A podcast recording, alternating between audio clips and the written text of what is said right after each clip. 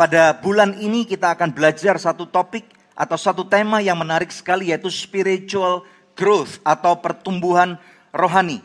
Saudara di dalam pertumbuhan rohani ini adalah sesuatu yang sangat kompleks yang sering kali tidak melulu bisa diukur. Nah, tetapi saudara, saya percaya tidak lama lagi kita akan temukan cara yang lebih efektif untuk mengukurnya. Dan pada waktu kita bertumbuh secara rohani, maka tentunya harus ada tanda-tanda yang nyata. Ada amin saudara ya. Oleh karena itu mari kita lihat nanti hari ini saya akan khotbahkan apa juga dampak atau fungsi perannya daripada kehidupan kita kalau kita dikatakan bahwa kita bertumbuh dewasa secara rohani. Mari kita lihat terlebih dahulu satu kebenaran firman Tuhan. Saya mengajak saudara untuk membaca bersama-sama daripada kitab Matius 21. Kita melihat ayat 18 sampai dengan ayat 22. Saudara baca dengan keras dan nyaring ada di storehouse terutama support saya antusias akan firman Tuhan, saudara yang di rumah, saudara boleh ketikkan nama saudara dari mana saudara ngikutin kebaktian hari ini. Saudara kalau belum share, bagikan kepada teman-teman saudara terutama kalau saudara tahu mereka ada dalam kondisi yang tidak baik.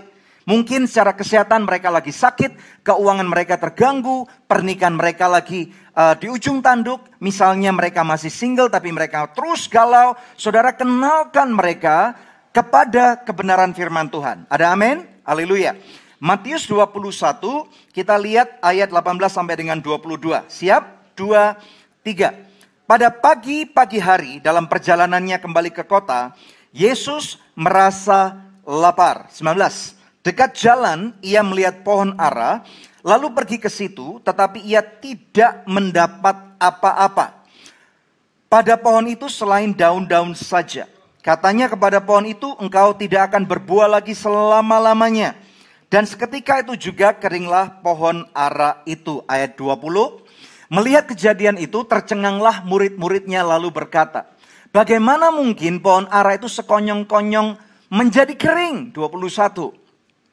Yesus menjawab mereka, aku berkata kepadamu, Sesungguhnya jika kamu percaya dan tidak bimbang, kamu bukan saja akan dapat berbuat apa yang ku berbuat dengan pohon ara itu, tetapi juga jikalau kamu berkata kepada gunung ini, beranjaklah dan tercampaklah ke dalam laut, hal itu akan terjadi. 22. Dan apa saja yang kamu minta dalam doa dengan penuh kepercayaan, kamu akan menerimanya. Haleluya. Saudara, kita perlu tahu dan kadang-kadang ada orang yang bertanya, kok Yesus itu Tuhan tapi bisa lapar? Nah ini menarik sekali bahwa Tuhan Yesus bukan saja dia Tuhan tetapi dia 100% manusia. Nah ini yang sering kali tidak dimengerti oleh orang-orang yang belum kenal Yesus secara pribadi. Tetapi kita percaya bahwa segala sesuatu yang Tuhan Yesus lakukan di muka bumi ini itu by design. Semuanya sudah terstruktur. Saudara, supaya apa? Supaya apa pun yang dia lakukan bisa berperan untuk kita pelajari. Katakan supaya kita bisa pelajari. Saya berharap saudara pagi hari ini sudah uh, makan pagi saudara ya. Sehingga saudara bisa dengar firman Tuhan pada waktu dengar orang lapar biasanya langsung ikut lapar saudara ya. Nah, puji Tuhan di sana dikatakan dekat jalan ia melihat pohon ara. Saya minta tim uh, apa uh, Asar untuk bisa bagikan ada sesuatu hadiah yang saya mau berikan kepada saudara yang datang kebaktian onsite. Makanya saudara datang kebaktian onsite karena tiba-tiba saudara dapat surprise. Ada hadiah dari Pastor Daniel pada pagi hari ini tolong dibagiin satu persatu. Oke, apa itu nanti saudara jangan buka ya. Dan di sana dikatakan ada pohon ara. Lalu pergi ke situ. Saudara ekspektasi Tuhan Yesus bahwa ia akan memetik daripada buah ara itu supaya dia bisa makan. Nah saudara, di ayat yang lain daripada kitab Markus, sengaja ditulis di sana bahwa itu bukan musim ara. Kenapa saya pilih Matius? Karena lebih ringkas untuk pembahasannya supaya saya punya waktu untuk menjabarkannya kepada saudara. Ya, saudara ada uh, onsite, saudara bisa foto, saya kasih hadiah buah arah itu saudara. Kalau saudara belum tahu model buah arah itu seperti apa ya seperti itu. Tapi itu yang modelnya udah kering. Saudara bisa foto, saudara bisa tag anugerah church, saudara bisa tag saya Daniel Hendrata nanti kita akan repost. Dan saudara kasih hashtag gerakan kembali ke gereja. Haleluya. Saudara di sana dikatakan tidak ada uh, buahnya. Saudara tadi saya katakan bahwa itu bukan musim arah. Kemudian Tuhan Yesus mengkutuki pohon ara itu dikatakan bahwa kamu tidak akan lagi berbuah selama-lamanya. Dan kemudian pohon itu menjadi kering. Muridnya bingung.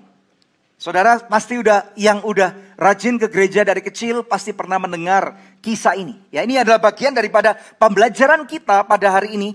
Kenapa spiritual growth itu penting banget, saudara ya. Nah saudara bahkan Tuhan Yesus mengatakan kalau kamu percaya, kalau kamu mempunyai iman, kamu akan bisa melakukan apa yang aku lakukan, saudara. Melakukan sesuatu hal yang impossible, yang mustahil. Dan bukan cuma sesuatu yang mustahil. Tetapi saudara kamu bisa perintahkan kepada gunung batu. Gunung batu berbicara tentang tantangan kehidupan, permasalahan-permasalahan yang ada. Dan bahkan engkau bisa perintahkan untuk tercabut dari akarnya. Kemudian saudara bahwa gunung batu itu akan tercampakkan ke laut. Dilalukan daripada hadapan saudara.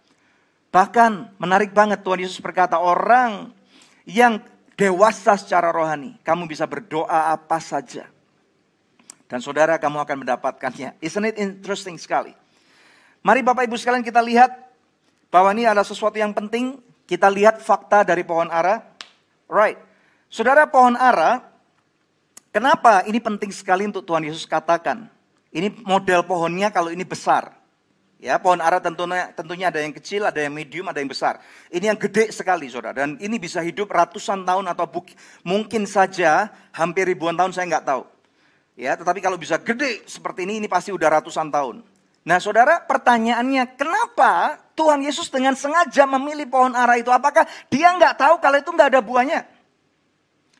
Nah, Saudara, buah pohon ara kita perlu tahu ya, yang masih kecil modelnya seperti ini. Keluarin. Nah ini seperti ini. Ini masih kecil saudara.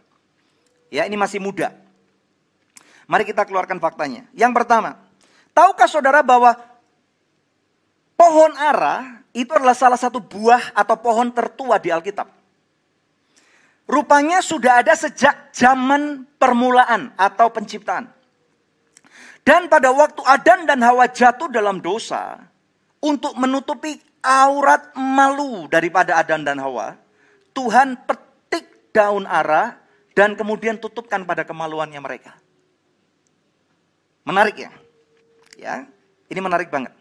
Yang kedua, pohon ara merupakan satu daripada tujuh buah terpenting bagi adat Yahudi. Ada tujuh buah, saya nggak punya waktu untuk menjabarkannya, saya pernah korbankan di salah satu hari Kamis. Ya, jadi buah yang saudara pegang bagi adat orang Yahudi ini penting sekali. Ini bagian daripada setiap rumah tangga di orang Yahudi pasti ada. Kecuali yang modern banget, kecuali yang udah kawin campur, kecuali mereka yang udah tidak lagi observe Torah, mereka pasti nggak ngertiin. Tetapi mereka yang masih konservatif, mereka akan mengerti ini saudara, dan ini adalah bagian daripada satu daripada tujuh buah terpenting bagi adat Yahudi. Memiliki arti yaitu ketahanan dan umur panjang. Katakan ketahanan dan umur panjang. Yang ketiga, Kenapa Tuhan Yesus pilih pohon ara? Karena pohon ara ini sangat mudah didapatkan di mana-mana, hidup di bagian iklim daripada iklim yang harsh atau keras, padang gurun seperti model di Yahudi itu, saudara ya, di tanah Israel. Sumber makanan dan sangat sehat sekali. Saudara nanti bisa Google, ya, saudara bisa, saudara sudah tahu cara googling, saudara nggak perlu ajarin, saudara cari kira-kira komposisi pohon ara itu kenapa sehat, saudara cari tahu. Yang keempat, Pohon ara ini adalah gambaran daripada orang-orang Israel dan gambaran daripada kita. Dikatakan kalau kamu lihat, lihat musimnya, lihat kalau pohon ara itu sudah uh, berbuah, berarti musim panas sudah dekat. Itu salah satu ayatnya. Ya, ini penting banget saudara. Makanya pertumbuhan rohani adalah sesuatu yang sangat penting sekali, sangat esensi. Dan yang pertanyaan saya, wah Chris sudah makan duluan. Right, enak nggak? Ya boleh dicoba sih, boleh kertas-kertas gitu saudara ya. Saya pertama kali makan buah ara waktu saya ke Israel, saya makannya di kota Jericho. Jericho adalah salah satu kota tertua di peradaban dunia. Menarik banget saudara ya. Dan Bapak Ibu sekalian, kenapa Tuhan Yesus sengaja memilih pohon ara pada waktu dia tahu ini bukan musim ara? Karena, mau tahu jawabannya nggak? Yang di rumah mau tahu jawabannya nggak? Karena ternyata pohon ara ini unik banget. Biasanya pohon itu uh, berdaun dulu baru berbunga kemudian berbuah. Betul ya? Pohon ara ini kebalikan. Sebelum daunnya keluar, buah kecil-kecilnya keluar dulu. Nangkep ya? Tuhan Yesus nggak gila, Tuhan Yesus nggak bego, Tuhan Yesus nggak goblok. Tuhan Yesus tahu banget apa yang dia lakukan. Jadi artinya kalau sebuah pohon ara dideketin tidak ada buah yang kecil-kecil tadi. Itu sepanjang musim tidak mungkin berbuah. Makanya di satu ayat yang lain di kitab Lukas ada satu perumpamaan tentang pohon ara. Pemilik daripada kebun anggur datang dan kemudian mendapati bahwa pohon ara itu nggak berbuah. Dia katakan kepada penjaganya, tebang. Kemudian penjaga mengatakan, Tuhan kasih waktu satu tahun lagi aku akan usahakan supaya berbuah. Jadi penting sekali pertumbuhan daripada kerohanian ini berbicara saudara tentang bagaimana supaya kita bisa mengerti apa yang menjadi maksud dan tujuan Tuhan. Bagi saudara yang di rumah, kalau nggak ngerti pohon ara itu modelnya atau buahnya seperti apa, saya kasih fotonya. Yang sebelah kiri adalah pada waktu buah itu masih fresh. Ya, ranum itu modelnya seperti itu uh, kemerahan dan manis, manis sekali. Ya, saudara ya, ini akan memberikan uh, apa namanya satu tenaga buat kita. Uh, seratnya tinggi sekali dan sangat bagus untuk digestion kita. Kalau kering dijual di Indonesia, saudara, atau dijual di Jericho atau di Israel, biasanya yang kanan. Yang modelnya kecoklatan seperti itu, saudara ya. Dan ini modelnya, kalau saudara belum tahu. Haleluya. Nah berikutnya saudara, pertanyaannya. Kalau kita berbicara tentang pertumbuhan kerohanian, sering kali saudara kita dapati bahwa pertumbuhan kerohanian adalah sesuatu yang yang keli, yang tidak kelihatan atau semu, betul nggak? Kita nggak tahu indikator-indikatornya apa. Tetapi hari ini saya mau kasihkan kepada saudara, semalam saya pikirkan apa ya indikator daripada pertumbuhan rohani seseorang. Kalau orang itu mengatakan bahwa oh seseorang itu dewasa kerohaniannya. Coba kita, lihat saudara, saya bisa temukan minimal ada tiga. Nanti saudara bisa uh, katakan kepada saya atau bisa ketikkan di kolom komentar kalau ada indikator yang lainnya. Yang pertama, orang itu harusnya memiliki integritas pada hidupnya. Katakan integritas. Integritas itu apa sih saudara? Integritas itu adalah acuan moral di dalam kehidupan seseorang, di mana tentunya tidak ada orang yang mau ngomong bahwa dirinya baik. Pada waktu dia berjanji sesuatu, tentunya dia akan berjanji sesuatu yang muluk, yang tinggi. Nah, apa yang dia omongkan itu yang dia deliver. Itu artinya secara mudah integritas itu seperti apa? Orang yang berintegritas tinggi kelakuannya akan sama apakah dia lagi disorot kamera, di depan kamera, ataupun di belakang kamera, ataupun nggak ada yang lihat sekalipun. Itulah ciri-ciri daripada orang yang memiliki integritas, yang artinya orang itu memiliki kedewasaan kerohanian. Ini yang pertama. Yang kedua, orang itu dapat mengucap syukur dalam segala kondisi. Katakan wow. Gampang enggak saudara mengucap syukur? Bapak ibu sekalian semalam saya ngikutin ibadah sum. Bukan cuma ibadah biasa tapi ibadah perkabungan. Ada seorang rekan hamba Tuhan dari dari kota Batam meninggal. Dan saudara, tentunya kalau ada seorang hamba Tuhan meninggal, kita semua juga ikut sedih karena saya kenal secara pribadi, saya khotbah beberapa kali di gereja dia. Saudara ya, dan itu nggak enak banget lah. Nah waktu istrinya memberikan, bukan kesaksian, tetapi menyapa uh, teman-teman atau tamu-tamu yang ada di Zoom, saudara. Uh, tentunya kita semua bertanya, saya juga bertanya, bagaimana kabarnya ibu? Kata-kata yang pertama daripada mulutnya saudara sambil dia terisak-isak, dia ngomong, Tuhan baik. Bagaimana mungkin Tuhan baik kalau suaminya meninggal? Bagaimana mungkin Tuhan baik kalau dia bangkrut? Bagaimana mungkin Tuhan baik kalau misalnya anaknya dipanggil Tuhan? Saudara, mengucap syukur dalam segala sesuatu. Tidak berbicara pada waktu kondisi kita lagi jaya, uangnya banyak, deposito luar biasa, anak di wisuda, saudara dapat promosi, rumah baru, mobil miliaran, saudara, istri cantik, suami ganteng, semuanya all is well. Saudara mengucap syukur esensinya bukan saja pada waktu kondisimu baik atau ada di atas sebuah gunung. Tetapi rupanya esensi mengucap syukur adalah pada waktu kondisimu sangat tidak baik. Pada waktu segala sesuatu menjadi sangat susah. Pada waktu segala sesuatu kondisi saudara tampaknya tertutup. Pada waktu segala pintu-pintu nggak ada satupun yang terbuka. Pada waktu seakan-akan langit itu terbuat daripada tembaga. Seakan-akan tanah itu terbuat daripada batu sehingga tidak ada yang bertumbuh. Tetapi Tuhan masih izinkan saudara dan saya hidup karena satu tujuan yang besar.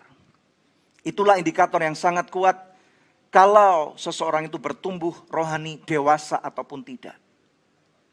Yang ketiga, secara simpel, acuan kita kalau seseorang memiliki pertumbuhan rohani dewasa atau tidak adalah buah roh.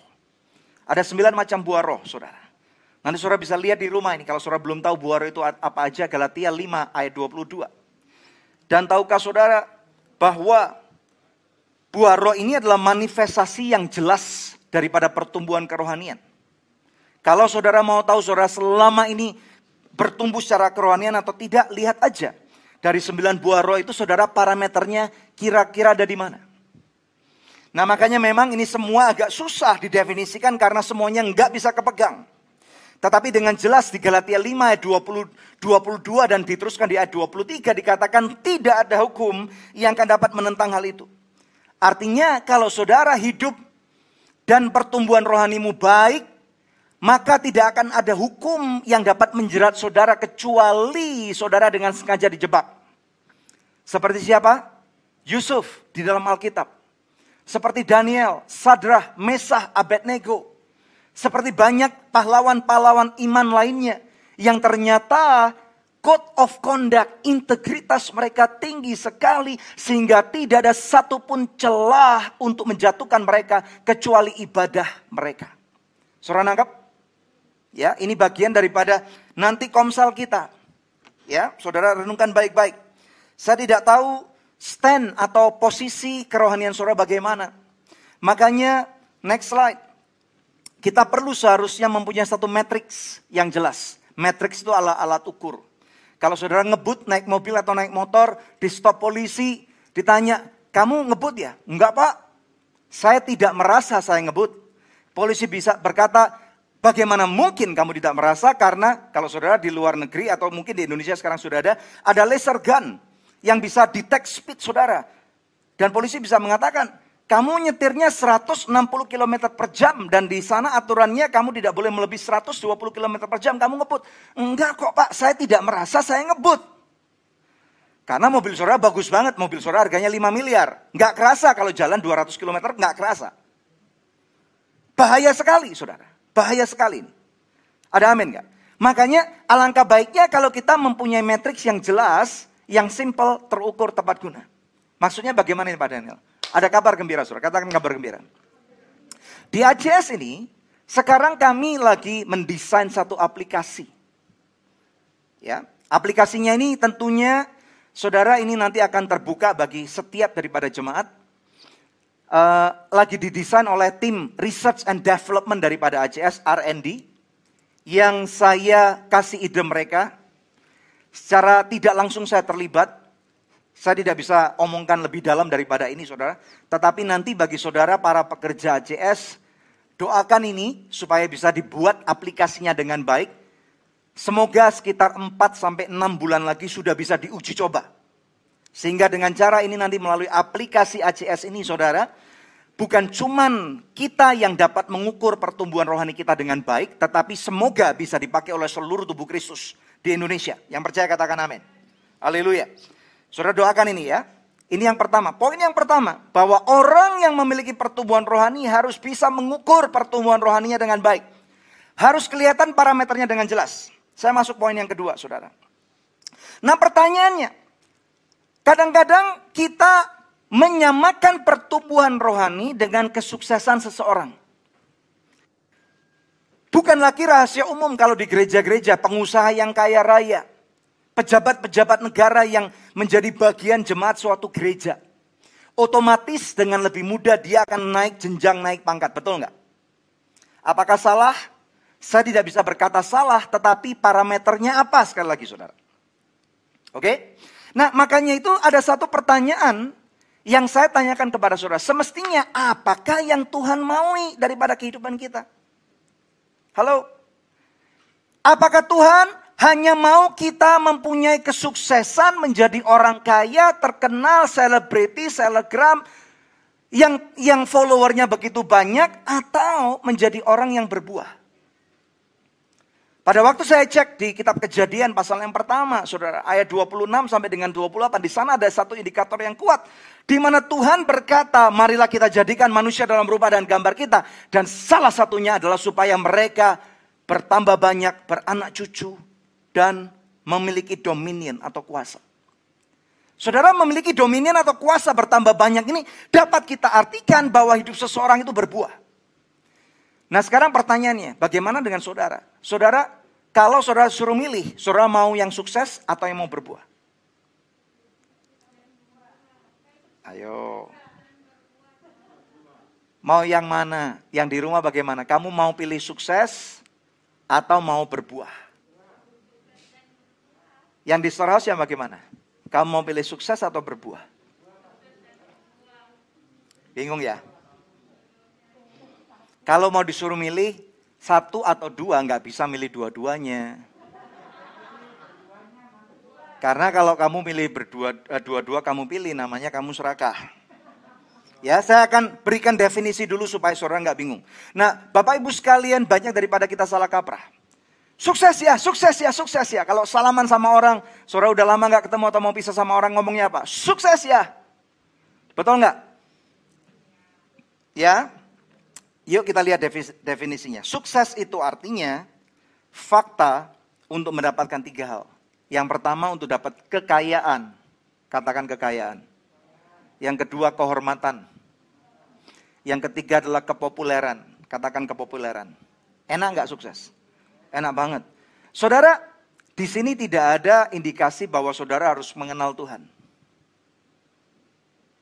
Wow. Berarti tidak ada definisi bahwa orang sukses itu wajib kenal Tuhan. Karena begitu banyak orang yang sukses tapi mereka sama sekali tidak kenal Tuhan apalagi takut Tuhan. Boro-boro takut kenal aja enggak. Jadi siapa pun saudara hari ini di luar sana atau di dalam sini. Kalau kamu punya bukan cuma tiga ini. Tetapi saudara punya satu aja. Saudara kaya raya. Saudara sampai di sebuah hotel nggak usah gereja deh. Orang bisa naksir mobil saudara harganya berapa. Dan mobil kan nggak ada yang palsu ya. Betul nggak? Masa sih saudara dari depannya aja yang keren, kinclong, yang glossy. Tapi belakangnya karatan kan nggak mungkin. Nggak mungkin kan? Ya. Saudara lewat naik satu mobil yang kinclong yang sudah dikasih stiker emas, bukan cuma stiker sekecil, tapi seluruhnya emas satu stiker itu bisa harganya 20 sampai 50 juta. Ya untuk nyetikirin mobil tuh saudara. Saudara sampai di sebuah hotel, saudara akan diperlakukan orang akan manggut-manggut gini. Karena apa? Saudara adalah orang sukses.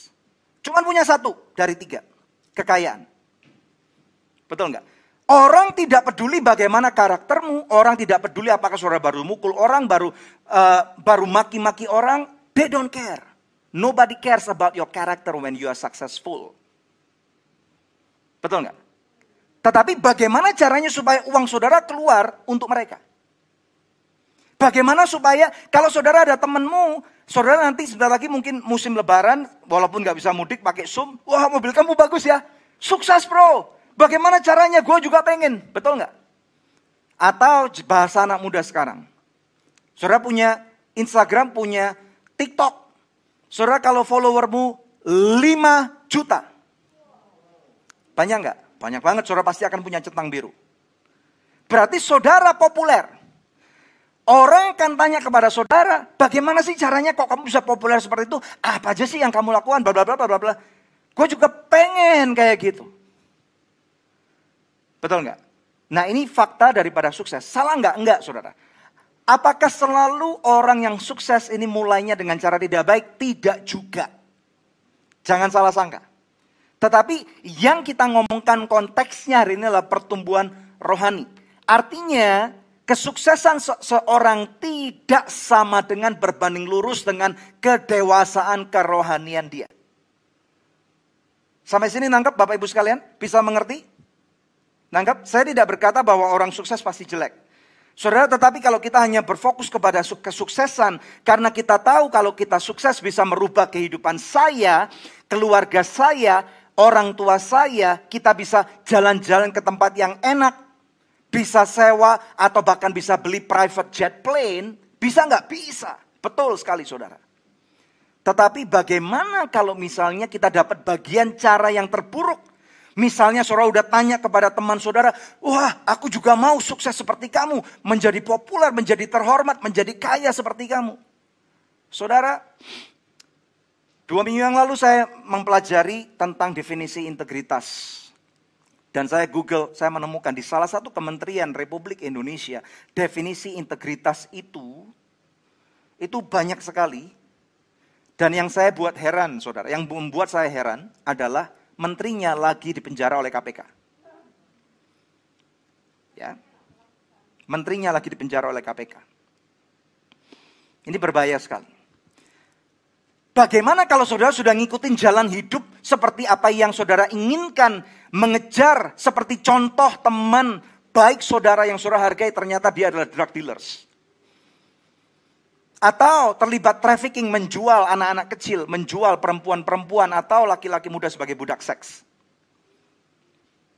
Atau menjual diri supaya bisa punya tas, mencangklong tas dengan harga 500 juta.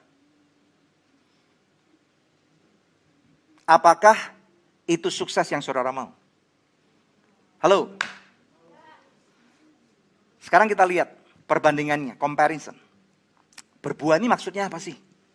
Saudara, berbuah definisinya adalah suatu proses pertumbuhan. Karena katakan suatu proses pertumbuhan. Dan kehidupan yang produktif dengan suatu tujuan.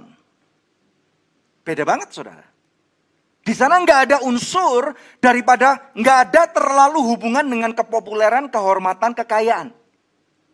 Tetapi kalau saudara bertumbuh dalam suatu proses dan kehidupanmu produktif, dan engkau punya satu tujuan, maka saudara masuk dalam definisi ini bahwa engkau berbuah. You are being fruitful. Dan kabar bahagianya adalah saudara mulai dari level saudara baru lulus kuliah atau sedang kuliah sekalipun engkau sudah bisa berbuah. Pada waktu engkau masih berusaha meniti karir dari jenjang yang paling bawah pun saudara bisa berbuah. Pada waktu engkau baru menikah engkau pun sudah bisa berbuah. Pada waktu engkau mulai punya anak satu engkau bisa berbuah. Pada waktu engkau baru mulai starting up a business or a company engkau bisa berbuah. Pada waktu gereja kita masih kecil dengan jemaat yang 120 atau 100 orang dan kemudian kena pandemik sehingga semburat ke mana-mana jemaat yang nggak tahu ada di mana. Itu pun kita masih tetap bisa berbuah. Yang percaya katakan amin. Walaupun hari ini keuangan saudara kadang-kadang kembang kempis.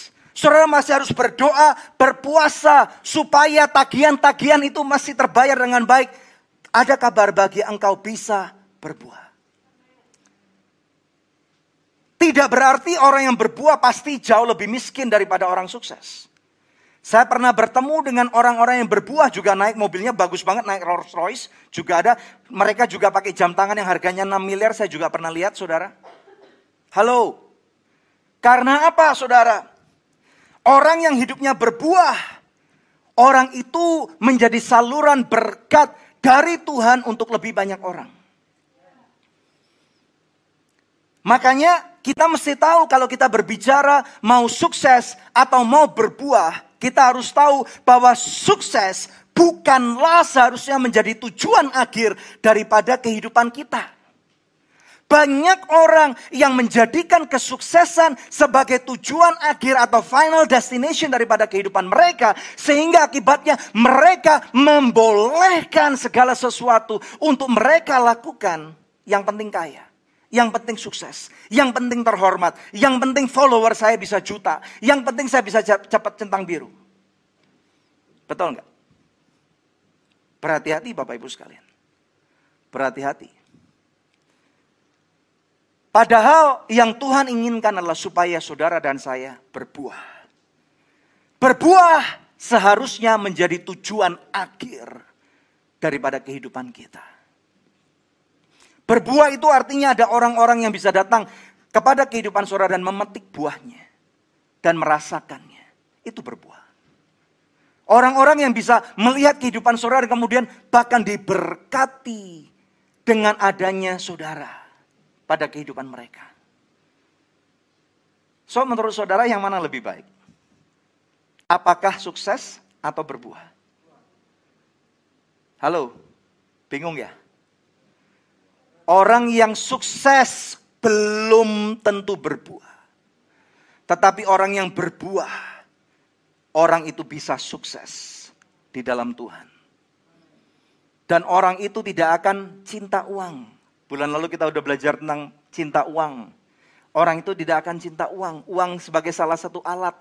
Jabatan sebagai salah satu instrumen untuk melebarkan kerajaan surga. Tetapi kalau jabatan atau kalau kesuksesan, keuangan, istri, anak, kehormatan, saudara populer, dan itu saudara pakai untuk aku, diriku, dan saya. Udah deh, saudara cuman sukses. Yang lain cuman boleh gigit jaring lihat saudara. Yang percaya katakan amin. Makanya Bapak Ibu sekalian, yuk mulai hari ini saudara, yang perlu kita lakukan kalau kita ketemu dengan orang adalah bukan lagi berkata sukses ya tetapi berbuah ya. Ada amin. Saya doakan setiap daripada jemaat ACS, baik yang ada di onsite ataupun di rumah, hidupmu berbuah. Sehingga nama Bapak dipermuliakan dari kehidupan saudara.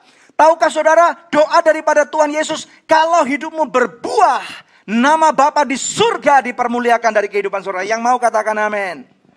Rasul Paulus salah satu contoh yang luar biasa. Filipi 1 ayat 21 sampai dengan 22 dia berkata seperti ini. Karena bagiku Hidup adalah Kristus. Dan mati adalah keuntungan. Wow, ini sukses nggak? Ini definisi orang gila bagi dunia. Ini bukan definisi orang sukses bagi dunia. Orang sukses di dunia mengatakan bagaimana caranya supaya aku bisa panjang umur. Supaya aku tidak mati. Supaya aku awet muda. Supaya yang keriput-keriput bisa ditarik kembali. Disulam kembali. Dioplas kembali. Karena sentralnya adalah diriku, aku dan saya. Betul nggak? Tetapi Rasul Paulus orang ini gila banget. Dia berkata mati itu adalah untung. Tapi bukan mati konyol bang. Bukan orang yang sengaja bunuh diri. Orang yang sengaja berdiri di rel kereta api. Bukan. Tetapi orang yang mementingkan. Yang percaya bahwa kalau dia mati. Semalam. Pak Timotius Arifin berkata. Orang yang tutup mata kalau meninggal itu tinggal tutup mata di dunia ini, buka mata, tiga kekalahan bersama dengan Yesus. Itu lebih menguntungkan daripada kepopuleran harta apa pun juga. Lebih menguntungkan saudara. Cuman kita nggak tahu aja, kita masih takut, betul nggak? Saya juga takut kok saudara. Siapa yang nggak takut? Siapa yang nggak takut mati? Siapa yang takut mati angkat tangan? Saya angkat tangan, saya takut mati. Hal itu yang membuat kita berhati-hati, berjaga-jaga, dan kita harus mawas diri. Ayat 22, Rasul Paulus berkata, tetapi jika aku harus hidup di dunia ini, artinya apa? Kalau aku belum selesai, itu berarti bagiku bekerja, baca yang keras, bekerja, memberi buah. Kok lemes semua sih ngomong, kalau ngomong soal duit semangat semua, kalau soal berbuah nggak ada yang semangat bagaimana ini. Halo jemaat ACS, apakah kamu mau bekerja memberi buah seperti apa yang Rasul Paulus katakan dalam firman Tuhan ini? Jadi mana yang harus kupilih? Aku tidak tahu. Dia pun bingung. Dia pun bingung. Karena apa? Di satu sisi dia pernah mengejar kesuksesan itu dan dia mencapai kesuksesan yang luar biasa. Dia menjadi orang Farisi yang luar biasa. Saudara, pada konteks Rasul Paulus dan zaman Tuhan Yesus, menjadi ahli Farisi itu bukan hinaan. Kalau hari ini saya berkata, maaf Pak Kus, Pak Kus ini modelnya kayak orang Farisi sih. Senang gak kira-kira? Itu insult. Itu hinaan. Karena orang Farisi pada konteks sekarang dikatakan munafik. Ini contoh loh Pak Kus. Ya, contoh. Tetapi pada konteks zaman Tuhan Yesus dan Rasul Paulus untuk menjadi ahli Farisi, saudara harus lulus satu ujian dan itu bayarnya mahal banget. Kalau nggak orang kaya nggak mungkin bisa saudara lulus ngikutin bayar ujian ini. Saudara harus apal dengan cara itu sudah bayar mahal, saudara harus nulis 613 hukum Tidak boleh lewat titik ataupun komanya, nggak boleh lewat. Dan jarang ada orang yang lulus sekali ujian langsung jadi farisi, belum tentu. Bisa-bisa 20 tahun ujian berkali-kali gagal. Nggak percaya? Saya mau tanya, saudara berapa kali ujian SIM? Kamu ujian SIM aja tiga kali gagal udah ngamuk-ngamuk. Halo, betul nggak? Ujian SIM nih, tiga kali gagal kita udah misu-misu, ngamuk-ngamuk, ngutung-ngutukin pak polisinya. Betul nggak? Udah deh, percaya saja. Makanya saudara, dia menjadi ahli farisi yang begitu muda, yang begitu brilliant, the rising star. Yang bahkan dia adalah James Bond pada zaman itu karena dia punya license to kill. License to kill, man. Tapi kemudian pada waktu dia bertemu dengan Kristus, dia mengatakan satu hal di ayat yang lain mengatakan, I consider all that I have is dung. Tahu nggak dung? Dung itu bukan kotoran, bukan sampah. Tapi maaf saudara, tai. Nggak ada artinya. Kefarisianku tai. Deposito yang aku punya tai. Aset yang aku punya tai.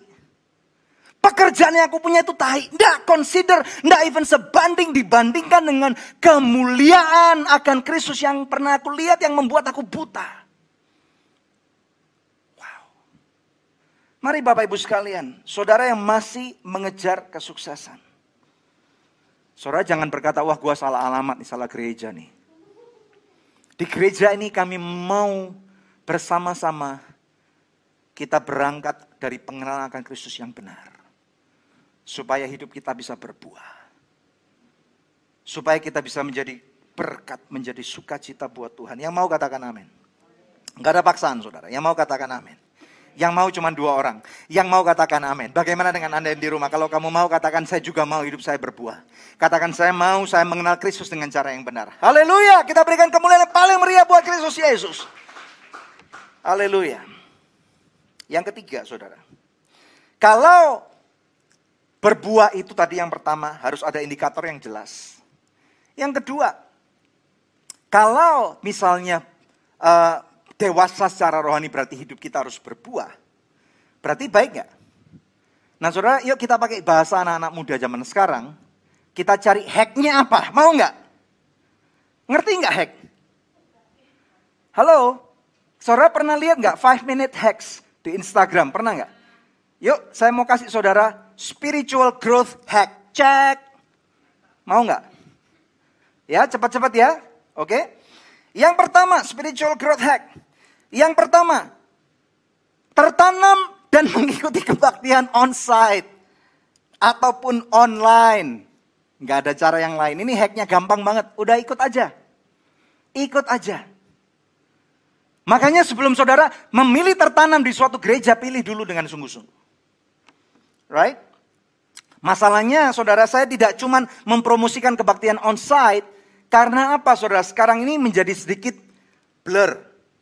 Ya, tidak mengurangi hadirat Tuhan esensi kebaktian on-site ataupun online bagi saudara yang juga di rumah ataupun di sini.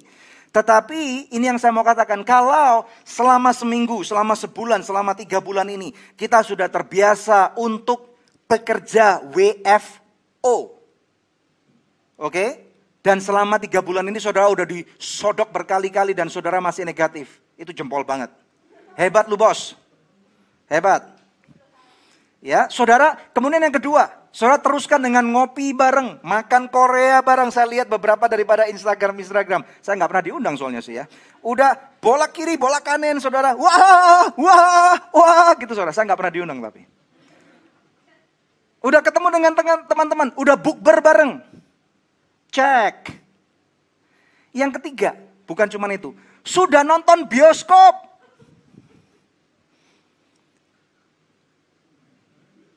Udah nonton bioskop. Bukan bioskop di rumah, tapi bioskop di XX1.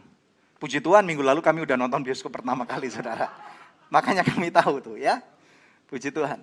Kalau saudara sudah berani nonton bioskop, tapi saudara masih memilih ibadah di rumah, cek kebangetan.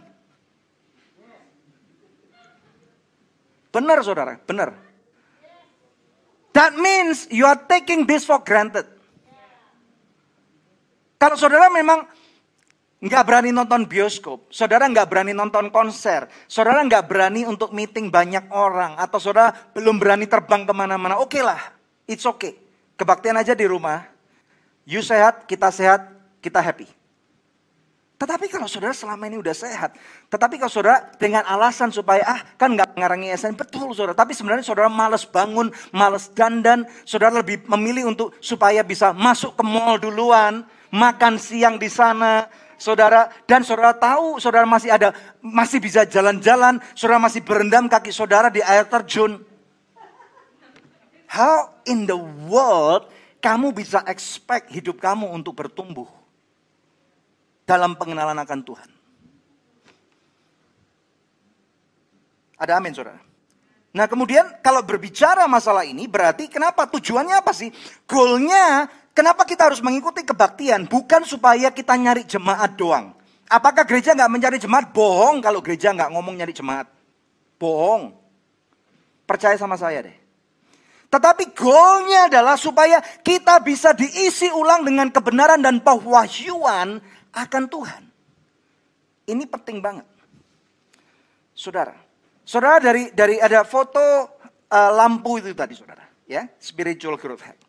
Bagaimana lampunya bisa nyala kalau nggak bisa tertanam di soket dengan baik? Nangkap enggak? Bagaimana mungkin saudara bisa bertumbuh secara kerohanian kalau saudara nggak bisa tertanam dengan baik di sebuah gereja? Zaman sekarang enak bisa jalan-jalan boleh nggak boleh. Tetapi pastikan saudara hadir dulu baik online ataupun onsite di kebaktian di mana saudara bisa bertumbuh dengan sungguh-sungguh. Baru jalan-jalan. Saudara mau ngikutin lima kali kebaktian pun haleluya nggak apa-apa. Ada amin saudara. Tetapi pastikan saudara istri saya sekarang lagi belajar tentang tanaman. Dan ternyata tanah yang salah bisa membuat tidak bertumbuh. Ada amin. Mengerti ya? Yohanes 15 ayat 5 dan 8. Akulah pokok anggur dan kamulah ranting-rantingnya. Barang siapa tinggal di dalam aku dan aku di dalam dia, ia berbuah. Berbuah apa saudara? Banyak. Sebab di luar aku, kamu tidak dapat berbuat apa-apa. Ini Tuhan Yesus ngasih life hack kepada kita. Kalau kita ngomong mau berbuah, berbuah ini indikator bahwa saudara punya kedewasaan rohani atau grown spiritually, maka saudara harus tertanam kepada pokok anggur ini. Ayat 8. Dalam hal inilah Bapakku dipermuliakan. Ini yang tadi saya omongkan saudara. Saudara, kalau kamu ngejar kesuksesan doang, saudara belum tentu memuliakan Bapa. Belum tentu. Tetapi kalau saudara berbuah, nggak usah khawatir. Kekayaan itu bonus. Kehormatan itu bonus. Susah payah tidak akan ditambahkannya. Haleluya. Haleluya, saudara. Dan jikalau kamu berbuah banyak dan dengan demikian kamu adalah murid-muridku. Saudara mau menjadi murid Kristus atau menjadi penglihat observer Kristus. Kalau saudara menjadi murid atau dalam bahasa sekarang followernya Christ, Saudara harus tertanam dalam dia dan bertumbuh dalam dia. Ini hack yang pertama. Hack yang kedua, baca Alkitab setiap hari. Apa yang kamu baca hari ini, apa yang kamu inputkan pada diri kamu, mata dan telinga. When you read the Bible, you are investing something to your life. Pertanyaannya, tiga bulan ini apa yang Tuhan taruh pada hati kamu? Saudara nggak mungkin saya bisa interview satu-satu. Saudara bisa keluarkan handphonemu, saudara bisa tulis di sana. Ini pertanyaan komsel. Ini kayak ujian negara aja komsel di ACS ini. Tiga bulan ini apa yang Tuhan omongkan pada hidup saudara? Kalau saudara, waduh apa ya, saya nggak nyatet kemarin Tuhan ngomong apa. Makanya saudara, pentingnya kita membaca kebenaran firman Tuhan setiap hari bukan karena nanti supaya kita ngikutin ujian dan lulus. Bukan, bukan saudara. Tetapi kita perlu tahu kalau selama, pertanyaan saya, bahwa selama tiga bulan terakhir, saudara tidak jelas Tuhan bicara apa sama saudara ada dua kemungkinan. Yang pertama, saudara tidak membaca Alkitab saudara dengan sungguh-sungguh, and no judging there. Oke? Okay? Atau yang kedua, saudara tidak punya sistem yang baik supaya saudara punya ngatur waktu untuk merenungkan firman Tuhan atau meditate upon the word of God. Ya. Ini penting banget. Makanya kalau saudara mau mengatur waktu to meditate upon the word of God atau merenungkan firman Tuhan. Ya, kenapa saya omongkan kata-kata meditate karena bahasa Indonesianya bagi kebanyakan kita meditasi itu negatif banget. Padahal artinya adalah meditasi. Memeditasikan bukan mengosongkan pikiran, bukan berkata hum, bukan gitu bukan saudara. Tapi bermeditasi merenungkan firman Tuhan. Sambil masak bisa merenungkan firman Tuhan. Sambil dengerin podcast Love Revolution bisa merenungkan firman Tuhan. Sambil nyetir mobil bisa merenungkan firman Tuhan. Ada amin. Ya. Dan saudara supaya mudah, saudara jurnal, catat. Wah saya susah sekali nyatet, rekam. Saya lagi didik James, saudara, bahwa kalau dia baca Alkitab, saya harus tanya, dia harus rekam soalnya kamu baca soal apa. Dan kemudian saya bisa diskusi sama dia. Kadang-kadang waktunya cuma 3 menit, kadang-kadang bisa enak 40 menit diskusi Alkitab sama James. Itu penting, saudara. Karena dengan cara seperti itu, saudara akan melihat ada satu patron di mana ada hal yang ulang, berulang, dilakukan. Dengan cara seperti itu, your spiritual man and woman will grow. Ada amin. Berikutnya, yang ketiga. Spiritual growth hack. Menerapkan firman Tuhan tiap hari. Saudara, kita tahu bahwa dalam kehidupan tidak selalu pilihan kita itu mudah. Ingat, ada penawaran-penawaran yang sangat sukar untuk ditolak. Yang penawaran-penawaran ini dengan begitu cepat membuat saudara bisa menjadi tiba-tiba populer.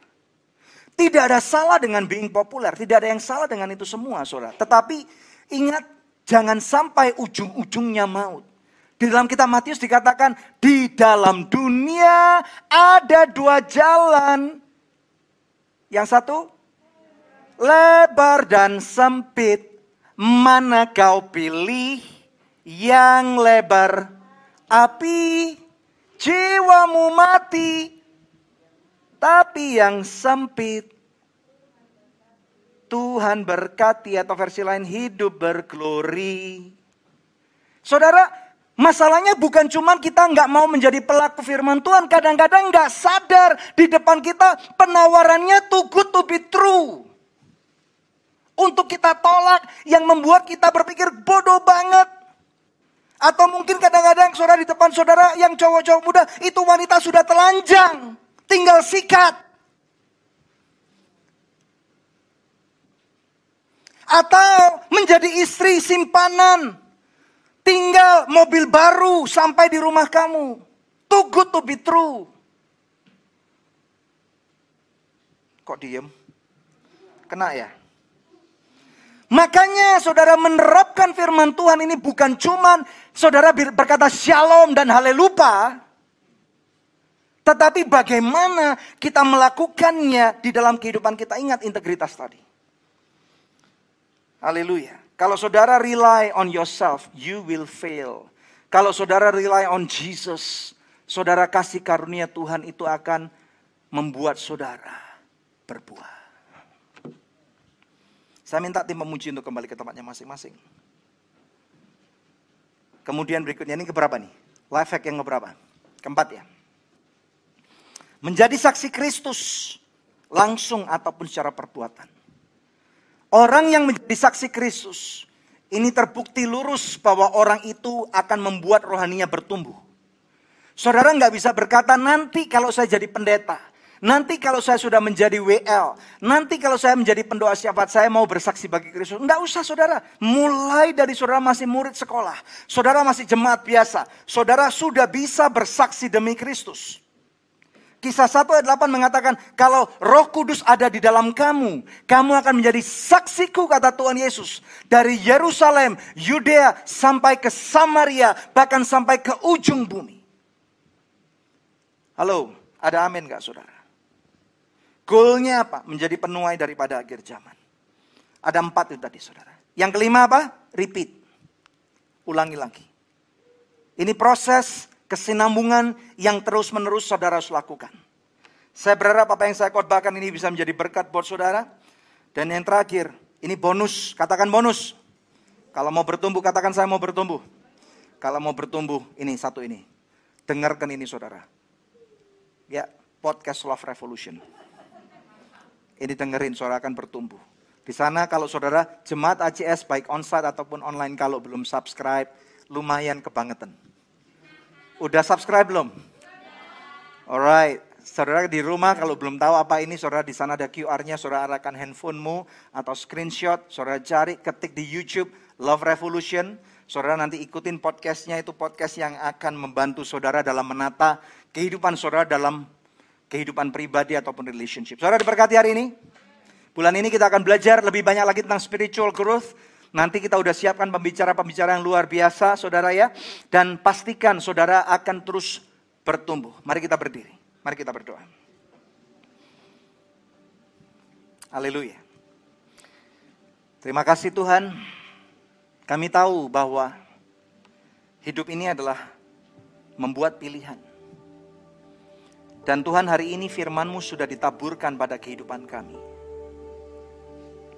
Biarlah Tuhan pada waktu firman ini sudah ada pada hidup kami. Tuhan bantu kami supaya benih-benihnya bisa berakar kuat. Bisa bertumbuh kembang dengan sehat. Sehingga Tuhan hidup kami bisa menjadi pelaku kebenaran firman. Saudara seperti apa yang Mazmur 1 katakan. Bahwa engkau ditanam di tepi aliran air. Dan tepat pada musimnya kamu akan berbuah. Dan buahmu bukan cuma buah biasa tapi buah yang banyak. Buah yang sehat, buah yang baik. Dan kata Tuhan Yesus pada waktu kamu berbuah lebat. Ada orang-orang yang datang untuk mencicipi kehidupan kamu.